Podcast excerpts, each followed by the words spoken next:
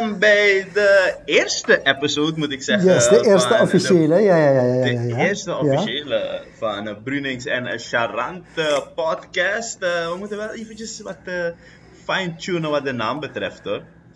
Ja, ja. Het, heet, het heet nu gewoon uh, Brunings van Charante, hè? Ja, Ja, ik, ja, ik, eh, zolang we iets beters hebben, dan houden we op onze kampioenschaps, eh, kampioenschapsnaam. Maar het toch geen speciale naam, toch? nee. Nee, klopt. Oké, oké, Oké, wat hebben we vandaag allemaal in deze aflevering? We hebben natuurlijk, net als de vorige aflevering, hebben we verschillende rubrieken waarbij we starten bij de stretch, de warming-up. In deze what-if situatie, dat is dus de stretch, hebben we twee hele leuke topics. De topics zijn, wat als Messi uitkomt voor Spanje? En wat als de dubbele nationaliteit vanaf 1975 al bestond, zeg maar. Hebben we wat nieuwsjes voor jullie. We gaan een beetje op het verhaal van uh, Biggie Boy in. We hebben wat nieuwsjes over Barcelona, maar daar gaat het allemaal niet zo goed. Want uh, Lionel Messi voetbalt niet, dus er is in één keer alles anders. En wat is onze lievelings-Surinaamse sporter? Sporter, moet ik zeggen. Oké, that is it for today. Ja, ja, ja. En dan moet ik er natuurlijk bij vermelden, we hebben natuurlijk weer een sponsor. Dus uh, Ah, we oké. gaan even naar de sponsorbreak en uh, dan zijn we zo bij terug. Want ik ga vandaag een korte uitleg geven over die liedjes, die pokus die we in het begin telkens draaien. Maar we gaan eerst naar onze sponsor en we zijn zo terug. Hebt u er genoeg van dat uw man te vaak buiten het huis is in verband met sport? Zijn uw kinderen s'avonds te veel buiten? Dan hebben wij de oplossing voor u. COVID-19. Als jij meer controle nodig hebt, dan zijn wij daar voor jou. Mentale gezondheid en fysieke gezondheid kunnen in gevaar komen bij het gebruik van COVID-19. Bijwerkingen zijn kortademigheid en dood. Raadpleeg eerst jouw huisarts voor de juiste dosering. En we zijn terug. We gaan uh, even kort, want ik heb dat dus in aflevering 0 niet gedaan. In aflevering 0 hebben we, hebben we een pokoe afgespeeld. En die pokoe die we hebben afgespeeld was Fort Minor, Remember the Name. Van waar ken jij die pokoe? Of kende jij die pokoe al? Ik kende de pokoe al. Het is een hele populaire workout pokoe. Yes, yes. Heel veel discipline. mensen. En, ja man, zeker. Ik, ken hem, ik ken hem van uh, NBA Live 2000. NBA Live Ah. 06. En hij zat op de, op de playlist. Dus als je speelde en tussen je games in, als je poppetjes uitkoos of teams uitkoos, dan uh, speelde hij af. Uh, Fort Minor is van een van de co-singers van uh, Linkin Park. Hè? Het is een soort Hmm. side project. En de NBA heeft er goed op ingespeeld. Hoor. Want de NBA heeft die pokoe nog gebruikt voor de playoffs van 2006, de playoffs van 2007. Uh, waren er uh, soort van korte playoff uh, video's. En dan speelde die pokoe erin af om eigenlijk de playoffs te promoten.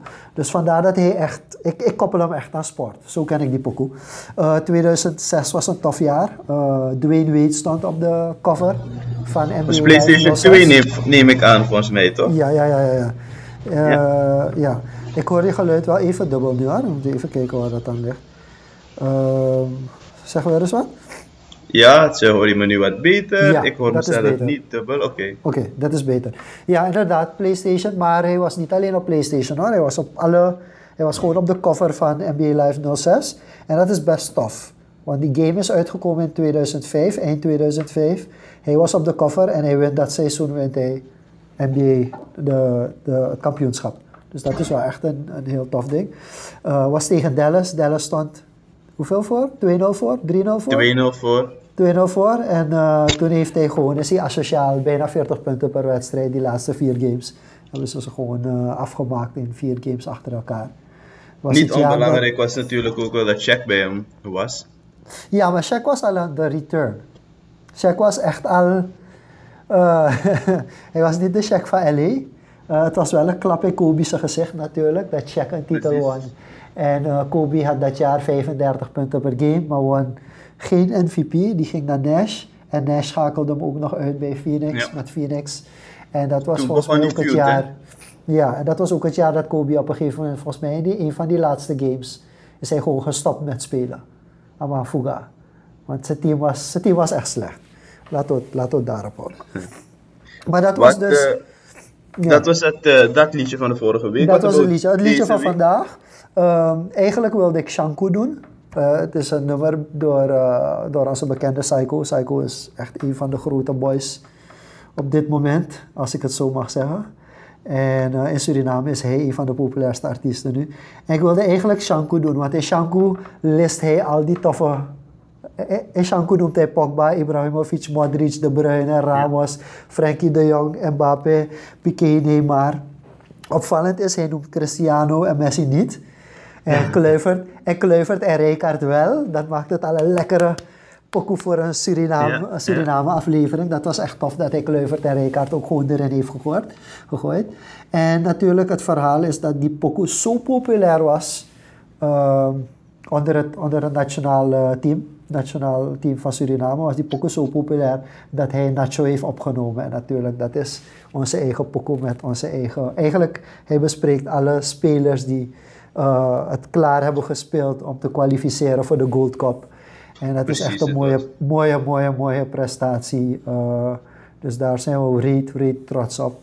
Ja, het was een van mijn het is een van de leukste voetballessen die ik eigenlijk gezien heb. Dus ik, ben, ik voelde me alsof het WK was, want ik kan me nog herinneren dat ik echt om drie uur in de ochtend ben, of ja, twee uur in de ochtend ben wakker geworden, ben gereden naar um, een sportbar en heb samen gekeken. Dat was echt vaarlijk shooting om te zien. Dus uh, het is allemaal afwachten op wat het, de Gold Cup daadwerkelijk gaat worden.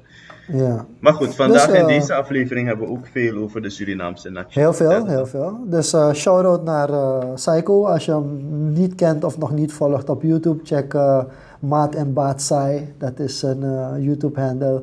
En daar kan je bijna alle pokoes van hem terugluisteren. Je kan het ook op streaming services doen natuurlijk. Maar uh, big up aan Psycho. En uh, ja, wij, zal ik dat toch die ik inleiding doen naar die eerste What If? Of wil jij... gedacht, boy, ja. dat wij een, een, een radioprogramma of een podcast samen zouden doen en jij degene zou zijn die over iemand als Psycho praten. ja, kijk, die man, zijn invloed is, die man, zijn invloed is groot, man, vooral op social media gebied en social media gebied is mijn gebied. Dus, ja. Uh, dus eigenlijk vanaf uw probleem uh, kan ik niet meer om die man heen. Dat, uh, dat moeten, we ook, moeten we ook eerlijk zeggen. Dus uh, hij heeft zijn strepen gewonnen en in elk deel van de Surinaamse samenleving. Dus laten we daar eerlijk over zijn. Oké, okay, nou let's get into things. Ja, zo we gaan even stretchen. Hoe ver kunnen we stretchen? Ik denk dat we vandaag behoorlijk ver gaan stretchen. Oh, ik heb, we hebben 10 minuten om te stretchen, Max. Oké, okay, oké, okay, oké. Okay. Dan wil ik, wil ik toch beginnen. Ga je wat gang. Als, wat als de Surinaamse voetbalbond dubbele nationaliteiten had toegestaan vanaf 1975? Uh, ik ga heel snel beginnen, dan mag je me ook. Ik, ik wil het in drie fases doen. Uh, fase 1, fase 1 uh, 75 tot 90, dan de jaren 90 en daarna daarna. Uh, okay. dat, dat is een beetje de indeling die ik voor ogen heb. Uh, even belangrijk om te weten in de voetbalgeschiedenis van Suriname. In 78 zijn we best dichtgekomen bij de WK. Uh, we waren in de laatste ronde. Dat was het jaar van uh, Wienerschal. Uh, die ken jij natuurlijk, heb jij vaker mee gezeten. En Wienerschal zijn team heeft toen, ja ik zeg zijn team, maar dat Surinaams team heeft toen de Caribbean Cup gewonnen. Dus dat was echt eind jaren 70 was een sterk team. Maar ik moet er ook meteen voorbij vermelden, want we kijken altijd naar de Surinaamse inbreng in Oranje. Uh, het WK van 78, dat Nederland tweede werd, hadden we nul inbreng als Suriname. Bedoel, dat, dat laatste Kruif WK, uh, de, de, de, de, kleur van Suriname zat niet in het Nederlands elftal. Dat is eigenlijk ach, 88, het EK van 88, uh, hadden we Gullit, Rijkaard en Vanenburg. Dat waren echt basisspelers die dus het EK hebben gewonnen. En laten we eerlijk zeggen, Van Basten was een beest. Er waren veel legends in dat team.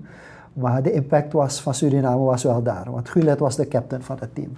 Dus, het uh, was mega. Gullit was captain vandaar. Hij heeft eigenlijk bijna zijn positie helemaal veranderd om in dienst van die ja. ploeg te spelen. Hij ja. is wereldvoetballer van het jaar geworden. Oh, Ik ja. dacht een... Uh, in 1989 of something like that. Dus zijn inbreng hoeven, hoeven we natuurlijk niet over te praten, maar ga maar ja. verder. Want ja, maar dat is dus maken. inderdaad een van de dingen die wel was gespeeld. De vraag, eerste vraag die je hebt, wat gebeurt er EK 88? Uh, is het Nederlands team uit balans of niet? Uh, ik, als ik kijk naar 1990, in 1990 hebben we ons niet heeft Suriname ons niet eens ingeschreven. Logisch, er speelden andere dingen in Suriname in de jaren 80. In 1990 hadden we ons niet ingeschreven. Maar ik wil gewoon even noemen wie beschikbaar waren als er dubbele nationaliteit was en we hadden ons ingeschreven had je sowieso Gullit, Rijkaard, Vanenburg. Maar Stanley Menso speelde ook al, Aaron Winter, Henk Fraser, Brian Roy. Dat waren gewoon zeven spelers. Drie Ajax, twee AC Milan, één PSV. En weet je, Rijkaard en Gullit waren toen back-to-back Europa Cup kampioen, Europa Cup 1 kampioen. Uh, PSV en Ajax waren de sterkste teams je moet je realiseren. Hè? Kijk, ja. Ruud Gullit is begonnen met voetballen. Want de stelling is wat als het vanaf 1975 was. Hè? Kijk, in 1982 speelde hij al voor Feyenoord. Daarvoor speelde hij voor Haarlem. Hij was in principe, toen hij voor Feyenoord speelde, was hij al gewoon goed. Zijn debuut in het Nederlands team maakte hij in 81. Dus je moet wel rekening houden dat Nederland gegaan is naar de WK-finale in 1974 en in 1978. Dus hij heeft de er bestaat een dubbele nationaliteit, dus hij kan kiezen wat hij doet. Wat en, met doet. Achter, met wat, en hij zal waarschijnlijk ervoor kiezen, als een van de beste spelers van de wereld, om kans te maken om in een WK-finale te zijn, wetende dat... Ja of niet? Ik, ik weet niet, want dat hadden al die, al die Afrikaanse spelers hadden dat ook kunnen doen. Veel van ze hebben dat ook gedaan natuurlijk. Dus het is... Nee, als je echt, kijkt, echt, echt kijkt naar de toppers. Als je kijkt mhm. naar, naar Wea. Snap je? Ja. WA heeft gewoon gezegd, screw it, oké, die man is nu zelfs president, want dus dat komt een ander punt. Misschien was het nu een presidentskandidaat in ons land. Is dat weer? Maar, maar WA heeft gezegd van, screw it, ik, ik, ga, ik ga dat niet opofferen. Drogba heeft hetzelfde gedaan.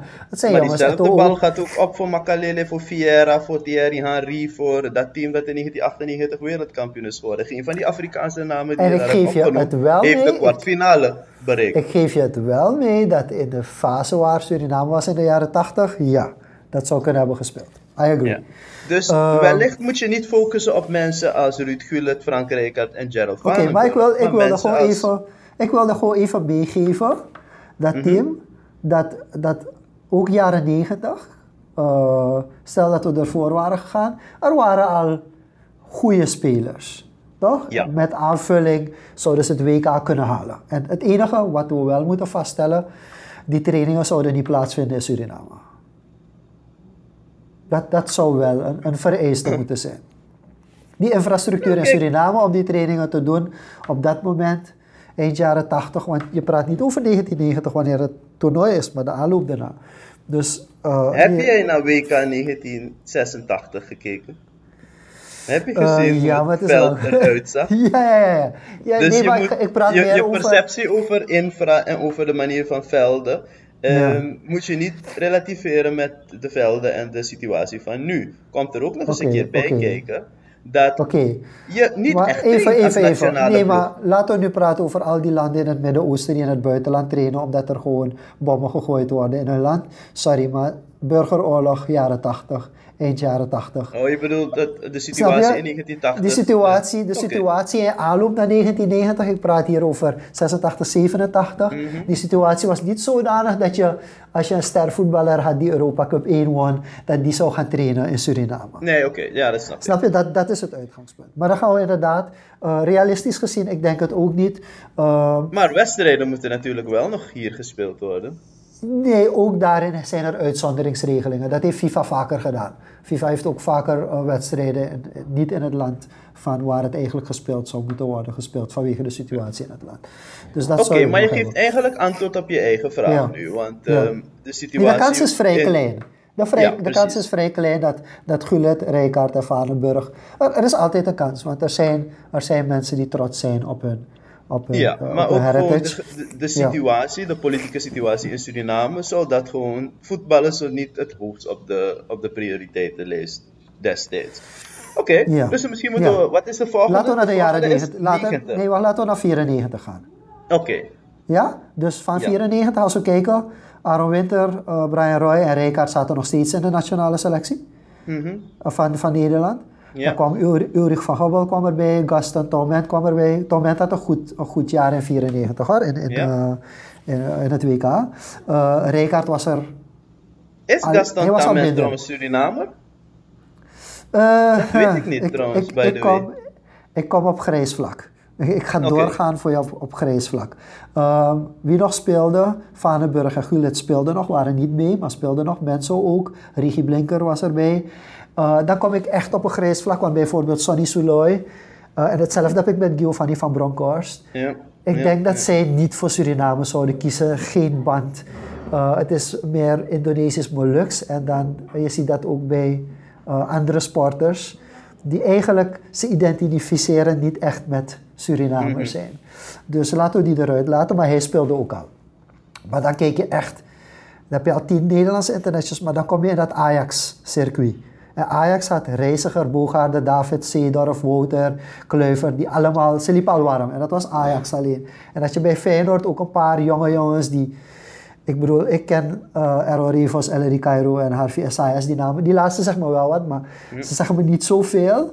Maar dat waren wel jongens die uh, in de eind jaren 90 wel Olympische Spelen, dus U23 selectie, Suriname Mhm. naar Olympische Spelen zouden kunnen brengen. En dan moet je niet vergeten, onze huidige bo- bondscoach Digore speelde ook.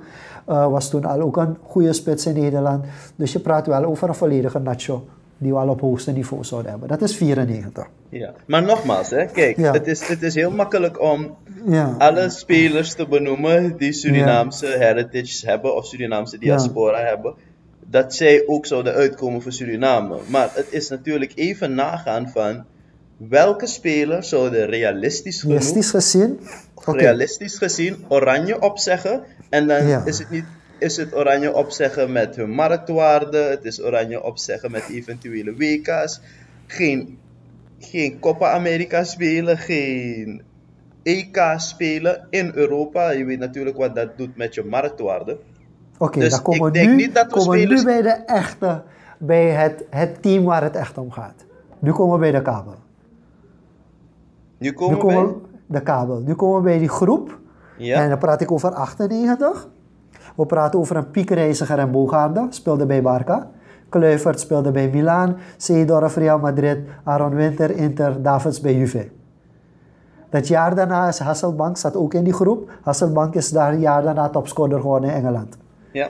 Samen met Dwight York, die wel voor Trinidad is uitgekomen. En ik ben het gaan uitzoeken. Trinidad heeft bijna alle Caribbean Cups gewonnen in de jaren 90. Mhm. Dus als York het zou doen voor Trinidad, en we praten hier over die hechte groep, die, die kabelgroep met wat aanvullingen, dus Reiziger, Bogaarde, Kluivert, Seedorf, Winter, Davids, Hasselbank is Die niet altijd even, die even hard gewaardeerd werden. Werden in het Nederlands elftal, in het oranje. Dat is de groep waarvan ik zeg, dat was die echte groep geweest. Dat was die groep die gewoon massaal met zeven man had gezegd van, hé, hey, Isap zou het doen? We komen jullie, we gaan voor Suriname uitkomen. En ze hadden allemaal die marktwaarde al, hè? Ze waren allemaal, ik praat, als je die teams hoort, het zijn geen jongens die in Nederland speelden op dat moment. Nee, en het is, het is eigenlijk een van de, als je het aan mij vraagt, Ja. misschien wel de sterkste Nederlandse ploeg aller tijden geweest. Het is een ploeg die pech gehad heeft. Ze hebben in de halve finales twee keer heel erg ongelukkig hebben ze Ja. gespeeld. Maar dat is, een- want je, had, je hebt nog steeds die de Boers erbij, je hebt nog Ja. steeds Dennis Bergkamp erbij, die misschien wel de beste spits was in Engeland, misschien wel de wereld toen. Eh, je Ja. had nog steeds Edwin van der Sar in het doel. Misschien wel het beste Nederlandse team ooit. En Ja. je neemt zeven je spelers kom- daarvan. Je, komt, je, komt ze, je kan ze vergelijken inderdaad. Ze hebben niet hetzelfde gepresteerd als het, als het Snijders-Robben team. Eh, Veel, ik weet- niet te vergelijken. Niet Nee. te vergelijken. Dat team En- was, dat team was ja. world class. Dat team van 98 is Ja. een vergeten klas, maar het was, het was echt world class. En een grootste Ja. gedeelte daarvan had natuurlijk voor Suriname kunnen spelen. En je moet, eigenlijk moet je het allemaal terug traceren naar hoe moeilijk het ook is om mee te beginnen bij Humphrey Menas. ja? Want Humphrey Menas is eigenlijk de eerste speler die voor Nederland is uitgekomen als Surinamer. Hij ging in 19, ehm, ergens rond, rond de 1956 is hij naar Ja. Nederland gegaan. heeft voor Utrecht, een team uit Utrecht gespeeld. En toen heeft hij vier van zijn teamgenoten, waaronder zijn broertje Frank Menas, heeft hij naar Nederland gebracht.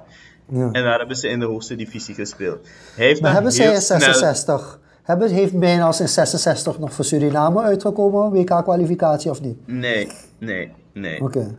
Nee, hij heeft, ehm, hij heeft drie interlands gespeeld voor Nederland. En toen Ja. Amakis van Trobi als journalist. En toen is hij nooit meer uitgekomen voor, voor, voor Nederland. Dus het is toch nog cruciaal wat er gebeuren zou zijn in die periode waar we hiervoor hebben gepraat. Dus de periode Ja, maar ik, ik, ben, ik, 1980. heb, ik ben voorzichtig geweest om te gaan van voor 75. Omdat natuurlijk Ja, dan, dan, die, die politieke split ook krijgt. En je bent, je bent nog onafhankelijk, of je bent nog afhankelijk, zeg maar. Oké. Ehm, maar die besluiten die ze zouden nemen in 1980 zouden heel erg cruciaal zijn voor die kabelgroep. Ja, of juist niet. Of juist zou die kabelgroep hebben gekeken en gedacht hebben van... Tijden zijn veranderd. Want die tijden zijn nu ook veranderd. Als je, kijk, en dan heb ik nog een laatste team wat ik, wat ik bij je wil pitchen. Uh, Dat is ik het niet- EK-team, hè? Nee, ik wil het team pitchen dat... eh, ja, het EK-team, U, U21 EK-team. Klopt, Ja. 2007. Eh, ze- Nederland is in 2007 eh, Europees kampioen geworden onder 21. Met weer vergelijkbaar zeven man. Eh, Waterman en Vermeer waren keepers. Dat je Zuiverloon, Drenthe, Babel, Richters, Ver, Donk en Jongapin. En dan moet je rekening houden dat Snow en Urbi hadden gezegd van hey, we zijn niet available. Eén van ze was geblesseerd, Urbi was moe. Ja. Volgens mij had hij eh, net een top, een Snow hoogste niveau seizoen gedraaid en Snow was geblesseerd. Dus die groep ben ik wel van overtuigd dat ze de Olympische Spelen hadden kunnen halen eh, in, in, in 2008 in China. Want je had ook nog eh, Elia, die toen volgens mij ook nog vrij jong was. En je had dan Jali, ik moet je ook weer kijken of Jali het zou uitkomen voor Suriname. Maar je had Braafheid en Nigel de Jong. Eh, die als compensatiespelers mee zouden komen. En laten we eerlijk zijn, met En je had een jonge Wijnaldum. je had nog een keer. Ja, ook nog. En je moet nagaan, alleen Urbo, Urbi, Nigel en Babel van die groep zijn doorgebroken in Oranje. Dus hun plateau eigenlijk van international spelen is gestopt eigenlijk bij dat toernooi. En die ploeg had een enorme grote band met Suriname. Als je... En wellicht waren ze niet eens voor de onder 21 uitgekomen als de groep ervoor. En het hoefde maar, het hoefde maar drie mensen te zijn hoor. Je had alleen Goree nodig, Jimmy Floyd, Hasselbank en Seedorf. En Ja. die situatie Ja. van die onder 21. En dat zijn drie namen die heel erg realistisch voor Suriname zouden kunnen uitkomen. Ehm, en wat voor invloed dat zou hebben, is wellicht een hele cruciale. Ja. Is dat we nu achterin misschien wel de beste verdediger van de wereld zouden hebben. Ja, Omdat Ja. Nigel de Jong heel lang gepasseerd is geworden voor echt mensen als Joris Matthijssen, André Ooyer, Joël Veldman. nee maar, en dan gaan we toch over een topic waar ik later over wil praten. Nigel heeft op een gegeven moment bewust de keus gemaakt. Hè? Hij heeft gezegd van, ik ben geen rechtsback meer. Want Nigel had ik, heb wel... het over, ik heb het over Virgil van Dijk nu. Oh, Virgil bedoel je? Oké, want ik, ik voorde je verkeerd. Ik verstand Nigel de Jong. Nee, ehm, Nee, maar Virgil van Dijk is inderdaad heel lang gepasseerd geweest. Voordat hij eigenlijk eh, de oproeping heeft gehad. En, en Koeman is slim geweest. Want Koeman heeft meteen Stanks van ons afgepakt. Gewoon letterlijk Ja. gegooid in het hoenderhok. Jij bent bezig sowieso, dus dat wilde ik ook nog aan je vragen. Eh, want we hebben die gehad over Antillianen. Die eigenlijk ook Surinaamse roots hebben. Die heb ik even eruit gelaten. Eventuele Brazilianen die voor Suriname zouden uitkomen. Die heb ik eruit gehaald. Maar gewoon met wat we net hebben genoemd. Was er minimaal twee keer Olympische Spelen en, en twee keer WK tussen. Minimaal. En eh, waarschijnlijk meer- meerdere Caribbean Cups. Sowieso in de jaren 90. Dat, dat, dat is realistisch. Ik zeg niet dat het zo zijn gebeurd. Maar het is wel realistisch. En, En wat ik is wel- ook heel erg realistisch geweest. Hoor. Ja. Heel erg realistisch. als, je, Eh, als je bekijkt dat we van Jamaica hebben verloren in 1996 of 95. Twee keer 1-0 en Jamaica gaat uiteindelijk naar het WK. Ehm, Dat was niet gebeurd als we Goree in de spits hadden en Regie Blinker links hebben. No, no, no. En- dat was en- een en hele ik- andere ploeg. Wat ik me wel afvraag, want je hebt nu een lijst gemaakt naar de best beschikbare, of je bent daarmee bezig. Uh, Mhm. De lijst naar de best beschikbare uh, Surinaamse voetballers die nog mogen uitkomen moment, voor hè? Suriname op dit moment. Zit Kluivert daar ook in? Justin Kluivert? Helaas. Kluivert heeft Eh. drie keer gespeeld, geloof ik, voor het, eh, voor het nationaal team. Maar hij is in elk geval al uitgekomen voor Oranje. Ja, maar tellen uh, friendlies? Nee, friendlies tellen niet. Maar het waren, geloof ik, EK-kwalificatiewedstrijden die wel tellen. Oké, dus, Dus dat moet je even checken. Want volgens mij dat moet je wel even checken. Want wat ik heb begrepen is dat Kluivert alleen in friendlies is uitgekomen. Dus Stanks weet ik. Stanks weet ik omdat ik die wedstrijd heb gezien. En hij was goed. Hij had twee assists in zijn debuut. Dat was gewoon, was gewoon asociaal eigenlijk. Dus van Stanks vond ik echt jammer. Maar iemand zei dat we even moeten checken naar Kluivert of hij nog kan. Of hij het gaat doen is punt 2. Ik, ik verwacht Ja, niet precies. veel Want hij kan altijd nog ook voor Curaçao Ja. uitkomen. Precies. En dat is dus wat ik bedoelde met dubbele roots. Uh, Ja. Daar heb je, er, heb je er heel veel van. Maar in elk geval, ja, voor mij een, een heel interessante what if. En Twee, volgens twee, mij- twee interlands, twee oefeninterlands tegen Peru en tegen Portugal. Dus het zou in principe nog kunnen, ja. Ja, oké. Maar dan gaan we naar een, een andere voetbal what if, want het is een zware Oh, veel te voetbalaflevering. lang, jongens. Oké, ehm, Ja. dit is ook een hele zware. En dat is een hele populaire, niet heel creatief van me, maar desondanks wel een, heel- een hele leuke topic. De vraag is, wat zou er gebeuren als Lionel Messi voor het Spaanse nationaal team was uitgekomen? Messi die heeft eh, een aantal keer de finale bereikt met Argentinië bij Copa Americas en natuurlijk eh, op het WK. Ja. En hij heeft een U20 gewonnen met de nationale ploeg van Argentinië. Dat was in Nederland in eh, 2005. Maar de vraag Ja. is dus, wat zou er gebeuren als Lionel Messi, die op 13-jarige leeftijd naar Barcelona verhuisd is. Dat verhaal kennen we natuurlijk. Hij, Ja. was, hij was ziek en Barcelona heeft besloten om de ziektekosten voor hem te betalen, mits hij voor ze speelt. Dat is gebeurd. Hij was dus eligible vanaf een jaar of 17 om uit Ja. te komen voor Spanje. Is niet doorgegaan, want die Argentijnen zijn natuurlijk niet gek. En Ja. heeft gespeeld voor Argentinië. Maar de vraag is, wat zou er gebeuren als hij voor Spanje heeft gespeeld?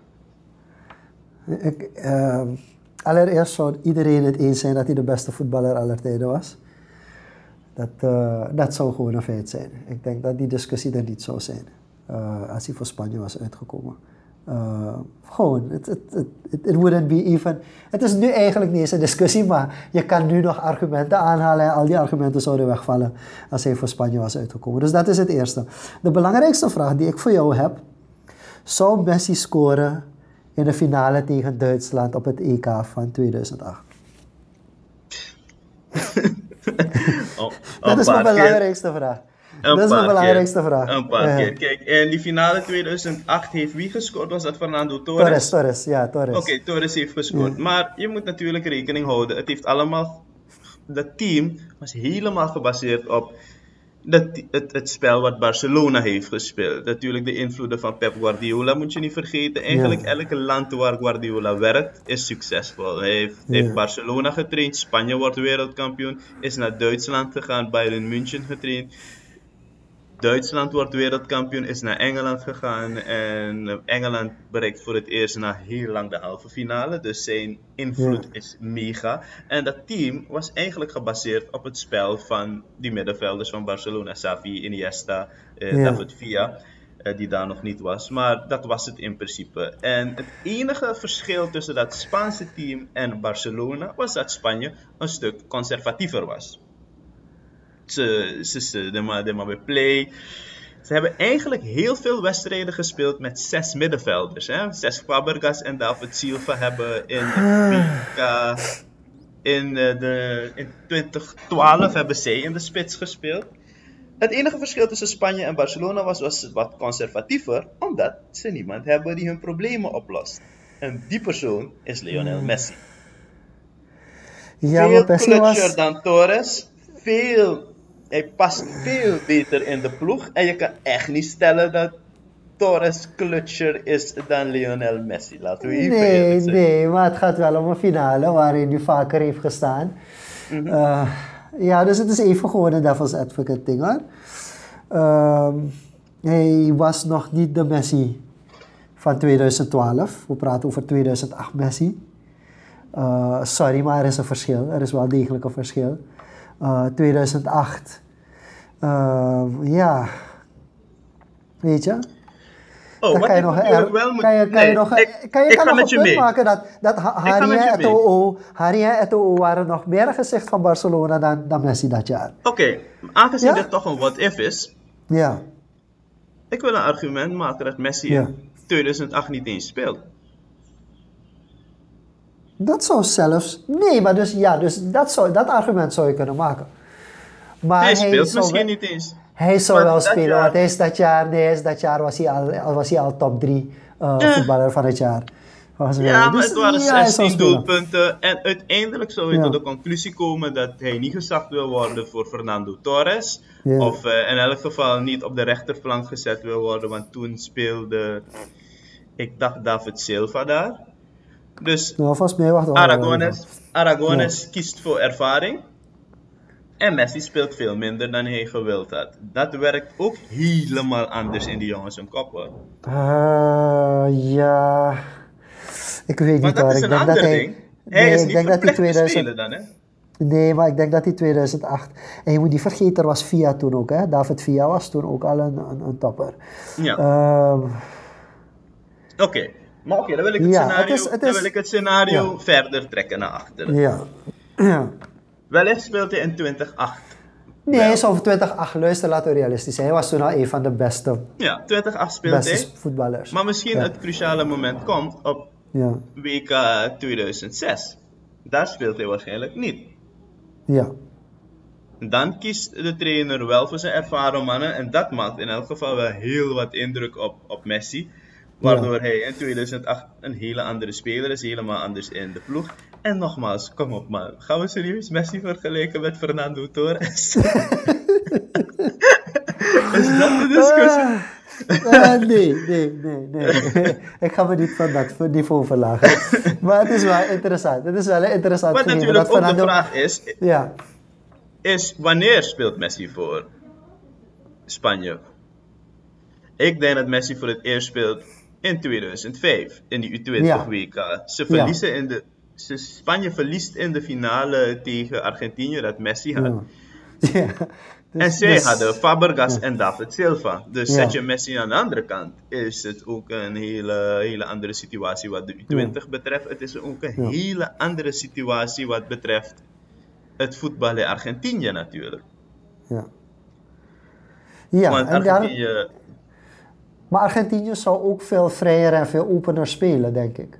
En, en Ik het heel andere, er een heel andere constructie. Ik weet niet of ze zo ver zouden komen als ze nu zijn gekomen.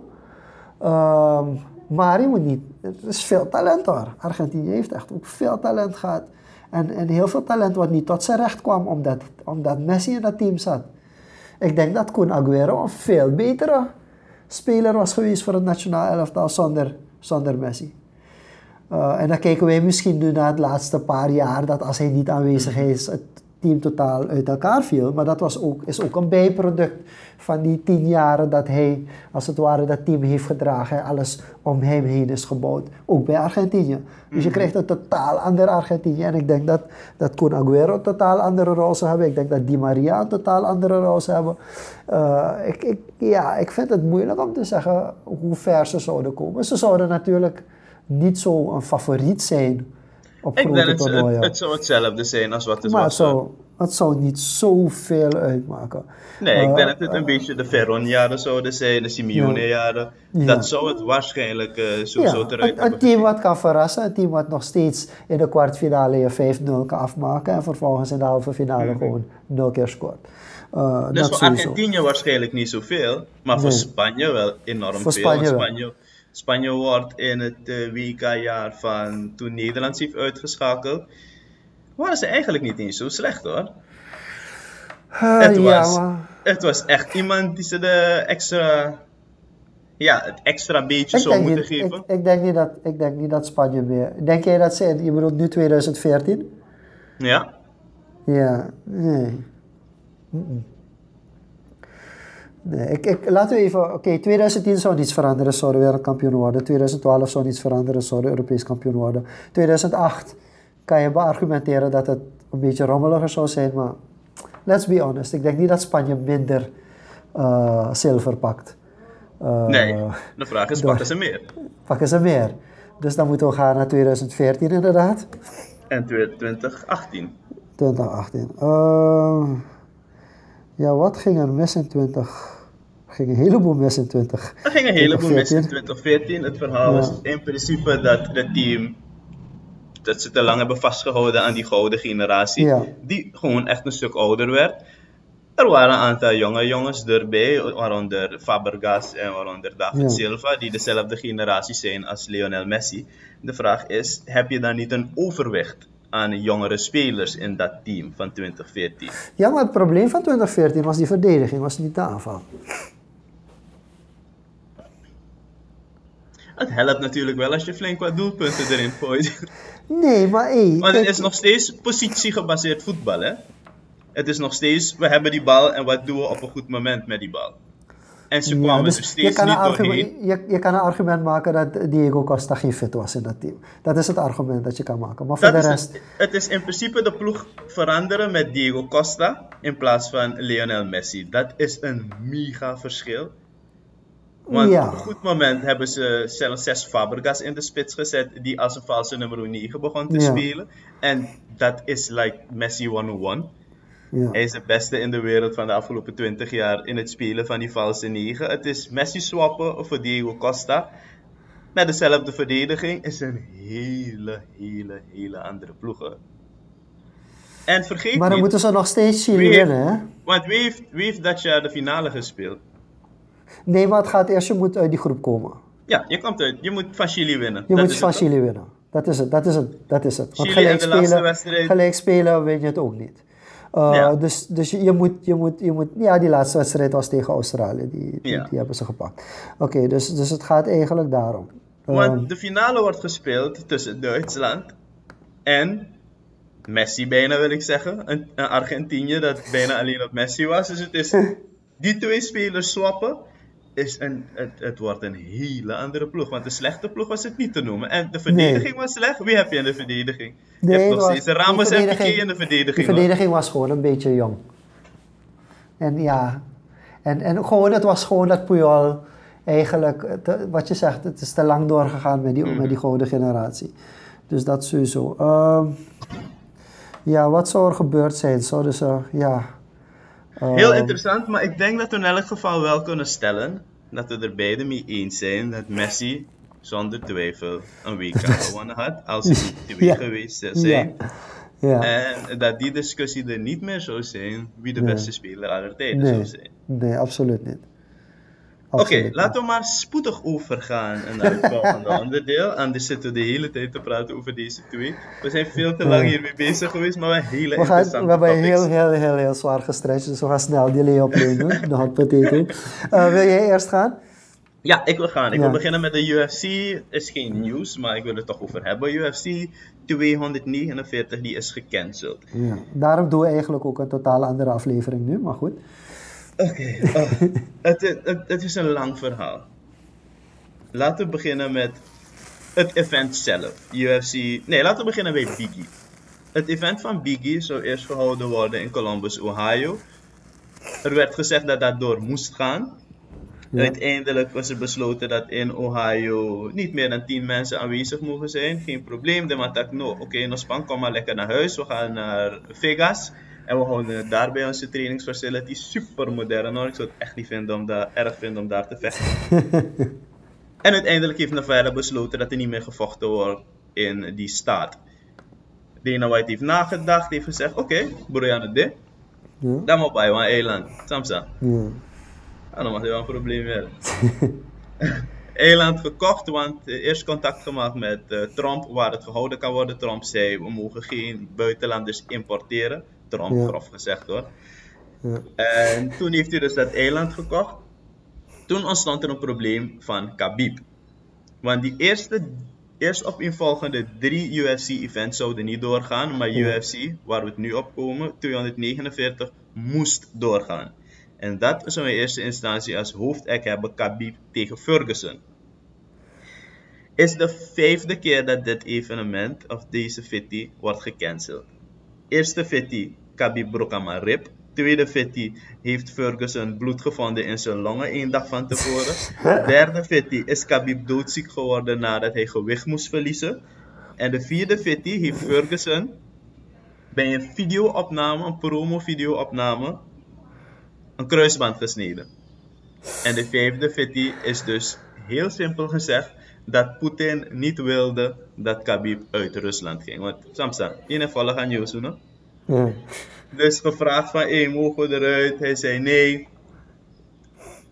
Dana zei, hé, weet je wat, F you. We, houden- we nemen gewoon een Amerikaan. Amerikaan genomen. En op het laatste moment, en dit is het leukste van het verhaal vind ik, komt Ja. Disney en Disney zegt, sorry, Nou, hoor, dat, nou, nou, dat gevecht nou. gaat niet door. Dus als het Maar- zo heel simplistisch uitgelegd, Ja. heeft Mickey Mouse meer power dan Donald Trump en Vladimir Poetin samen. Maar even, even is, is, is Khabib op dit moment de enige ongeslagen in zijn gewichtsklasse of niet? ja. Ja? Ja. Ja, ja, ja.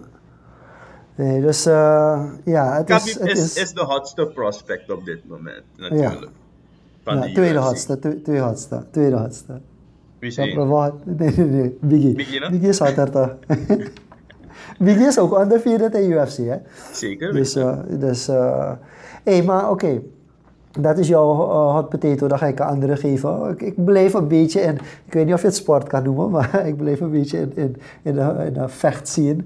Ook al is dit geen echt vechten, maar meer entertainment. WWE heeft ook nu issues omdat hun onscreen talent, een van hun onscreen talents, is eh, positief getest. Dat was de eerste case in, eh, in het bedrijf, om het zo te zeggen, in de WWE. En je moet rekening houden, eh, ja, Suriname kent WWE ook een beetje dankzij SCCN, die al, eh, en, en andere stations die al sinds ik klein ben eh, worstelen gewoon uitzenden. Ehm, maar het loopt al, NBA eh, Monday Night Raw loopt al 27 jaar. Dus eigenlijk wat ze hebben gedaan, ze hebben gewoon 27 jaar lang elke maandag een aflevering gehad. En, en, en WWE tapet ook nog steeds drie keer per week tapen ze live shows. En ze doen, gezien, alles, ja. ze doen alles in Florida, in het Performance Center in Florida, want ja, dat, dat hebben ze het gelimiteerd. En de governor van Florida heeft het een essential function genoemd. Dus terwijl alle andere sport, vast alle andere sport is gestopt, draait WWE in zijn eentje nog steeds drie live shows per week. Wat, Niet om Kijk, aan te zien trouwens. maar ja, wat bizar is. Wat echt bizar is. Ik bedoel, ik kijk, ik kijk nu ook al langer dan een jaar niet meer. Uh, maar het is natuurlijk een vreselijke commercie. Uh, en dat is ook de reden waarom ze gewoon niet stoppen. En het begint nu wel vormen te krijgen dat iedereen is van... Hé, maar guys, uh, even serieus. Kunnen jullie niet echt iets meer aanpassen? En het laatste nieuws is ook dat ze heel veel, heel veel van hun performance hebben ontslagen. Misschien Oh, moet dat- Mickey Mouse even met ze gaan praten. Dus Nee, nee, dus er is een hele, er is een hele movement. eh, Cody Rose eh, eh, en Dustin Rose zijn een, een eigen movement gestart. eh, waarbij, waarbij eigenlijk een, een tegengewicht wordt gegeven. Voor het eerst zo'n groot tegengewicht wordt gegeven. Maar eigenlijk die, die belangen, die commerciële belangen. Dat is ook het probleem in Amerika. Die commerciële belangen zijn zo groot. Dat, dat ze gewoon zeggen van nee, de show must go on. Wat zijn de Eh, gevolgen van die positieve test? uh, de gevolgen zijn gewoon dat de, de WWE aanhoudt van ja, het is niet van één onze, het is niet een contactsporter, dus het is wel een onscreen talent. Iemand die op, op het scherm verschijnt, maar niet iemand die in de ring gaat. Dus iedereen denkt nu dat het uh, een commentator of een interviewer is of zo die, die getest heeft. Dus zij hebben gezegd van nee, uh, eigenlijk verandert niks, we gaan gewoon door met tapen. Dus uh, daar is wel heel veel kritiek op van, hé, maar wat is dit, weet je? Uh, probeer in elk geval te tonen dat je, maar ja, commercieel zijn er zoveel en ja, uh, de WWE gaat ervan uit dat bedrijven, maar andere televisiestanders misbruik van het feit gaan maken dat zij hun programming terugbrengen. Dus eigenlijk Raw, SmackDown en NXT draaien gewoon normaal door op de normale televisietijden dat ze al deden. En ze zijn bang dat als ze dat loslaten, als ze een van die drie zeggen van oké, we schrappen NXT even of we schrappen SmackDown even of we bundelen het samen, dat, uh, dat de competitie uh, daarop gaat inspelen. Dus het is volledig, volledig commercieel belang boven alles. Dus dat heeft heel veel, ja, het, het zet niet per se kwaad bloed, maar mensen beginnen wel te denken van hé, hey, uh, wat is dit? Hoe, hoe, kan de governor van, van een staat gewoon zeggen, ja, het is een essential function, dit moet gewoon doorgaan. Terwijl like, iedereen in de hele state is van, uh, uh, wij zijn Kijk, gesloten, of wij in- werken thuis. Bij voetbal in, in Barcelona en Real Madrid, in, in Spanje en ik dacht in Italië ook, of Frankrijk ook, waar ik van op de hoogte ben, zijn er een aantal fondsen in deze COVID-19 situatie. Waarbij, je, waarbij inderdaad bedrijven die eigenlijk in, qua overmachtssituatie nu niets kunnen doen. Zij maar komen Ja. in aanmerking voor een fonds en je moet natuurlijk wel wat dingen doen. Een van, een, Een daarvan is dat je 70% pay-cuts moet geven aan zo goed Ja. als iedereen van je bedrijf. En dan kwam je in aanmerking voor een fonds. Ja. Normaliter denken we aan dingen als restaurants, denken we aan dingen als airports, of de vliegmaatschappijen. Maar Real Madrid, Barcelona en Atletico Madrid maken ook in aanmerking hiervan. Omdat de invloed die zij hebben op de economie van die stad is mega. En zij konden er niets aan doen. En dan denk ik aan mensen die in het stadion werken, denk ik aan mensen die om het stadion werken, denk ik aan restaurants die daaromheen zijn, denk ik aan het museum, denk ik aan die spelers zelf. Dus het is daar wel echt een. Ik zou niet zeggen dat het dat ze es- essentiële werkers zijn, maar zij komen wel in aanmerking voor die, die, dit, dit speciale fonds. WWE daarentegen, ja, waarom zijn zij zo belangrijk? Wat, wat is die argumentatie? Het is die sold-out crowds, ik, ik denk. En dat is het bizarre. We zouden eigenlijk naar het toeschouwersaantal van WWE moeten kijken om het te kunnen vergelijken met andere sporten. En dan ga je echt schrikken hoe zij stadia uitverkopen. Het is, het is bizar de invloed die, die zo'n een, een entertainmentorganisatie heeft op een samenleving daar. En, en laten we eerlijk zijn, die producties die nu komen zijn... Ze slaan eigenlijk bijna nergens meer op. Om, om te vergelijken met een, met een, met een crowd... eh, maar je moet nagaan, als je, als je de cijfers hoort hoeveel verlies ze hebben gemaakt met WrestleMania dit jaar, dan ga je ook snappen dat ehm, hun een fonds geven, dat fonds is gewoon binnen één keer gewoon leeg. Weet je? Ja. We praten gewoon over honderden miljoenen US dollars. We praten niet over een, een 50 miljoen wat ze mislopen. Het zijn echt bizarre bedragen wat ze, wat ze mislopen. als La En- Liga nu stopt, ja, maken ze een verlies van 1 miljard US dollars. ja. Als ze voor lege publiek spelen, maken ze een verlies van 500 zoveel mil- miljoen. En als het allemaal nu normaal zou starten, maken ze een verlies van 120 miljoen. Dus die bedragen zijn. ja, maar dat is een hele competitie, hè? Nou, halve kampa, hè? Ja, dus oké, niet eens halve, bedoel- er is nog ik 20% bedoel- over. Nee, maar ik bedoel alle teams samen, hè? Mhm. Toch? Dus het is... Het Je is, het over het is één event. Ja. Dus het is eigenlijk... Het is, het is, gewoon, bijna, het is gewoon bijna bizar. Eigenlijk. Het is, het is bizar. Maar sluit dat aan op jouw volgende hot potato of niet? Kijk, de Kompas gaan waarschijnlijk weer beginnen. Onder andere Ja. de competitie in de Bundesliga. De, de Duitse, aantal van die Duitse teams trainen al. En ze mikken ergens heel erg optimistisch om te starten in eind mei.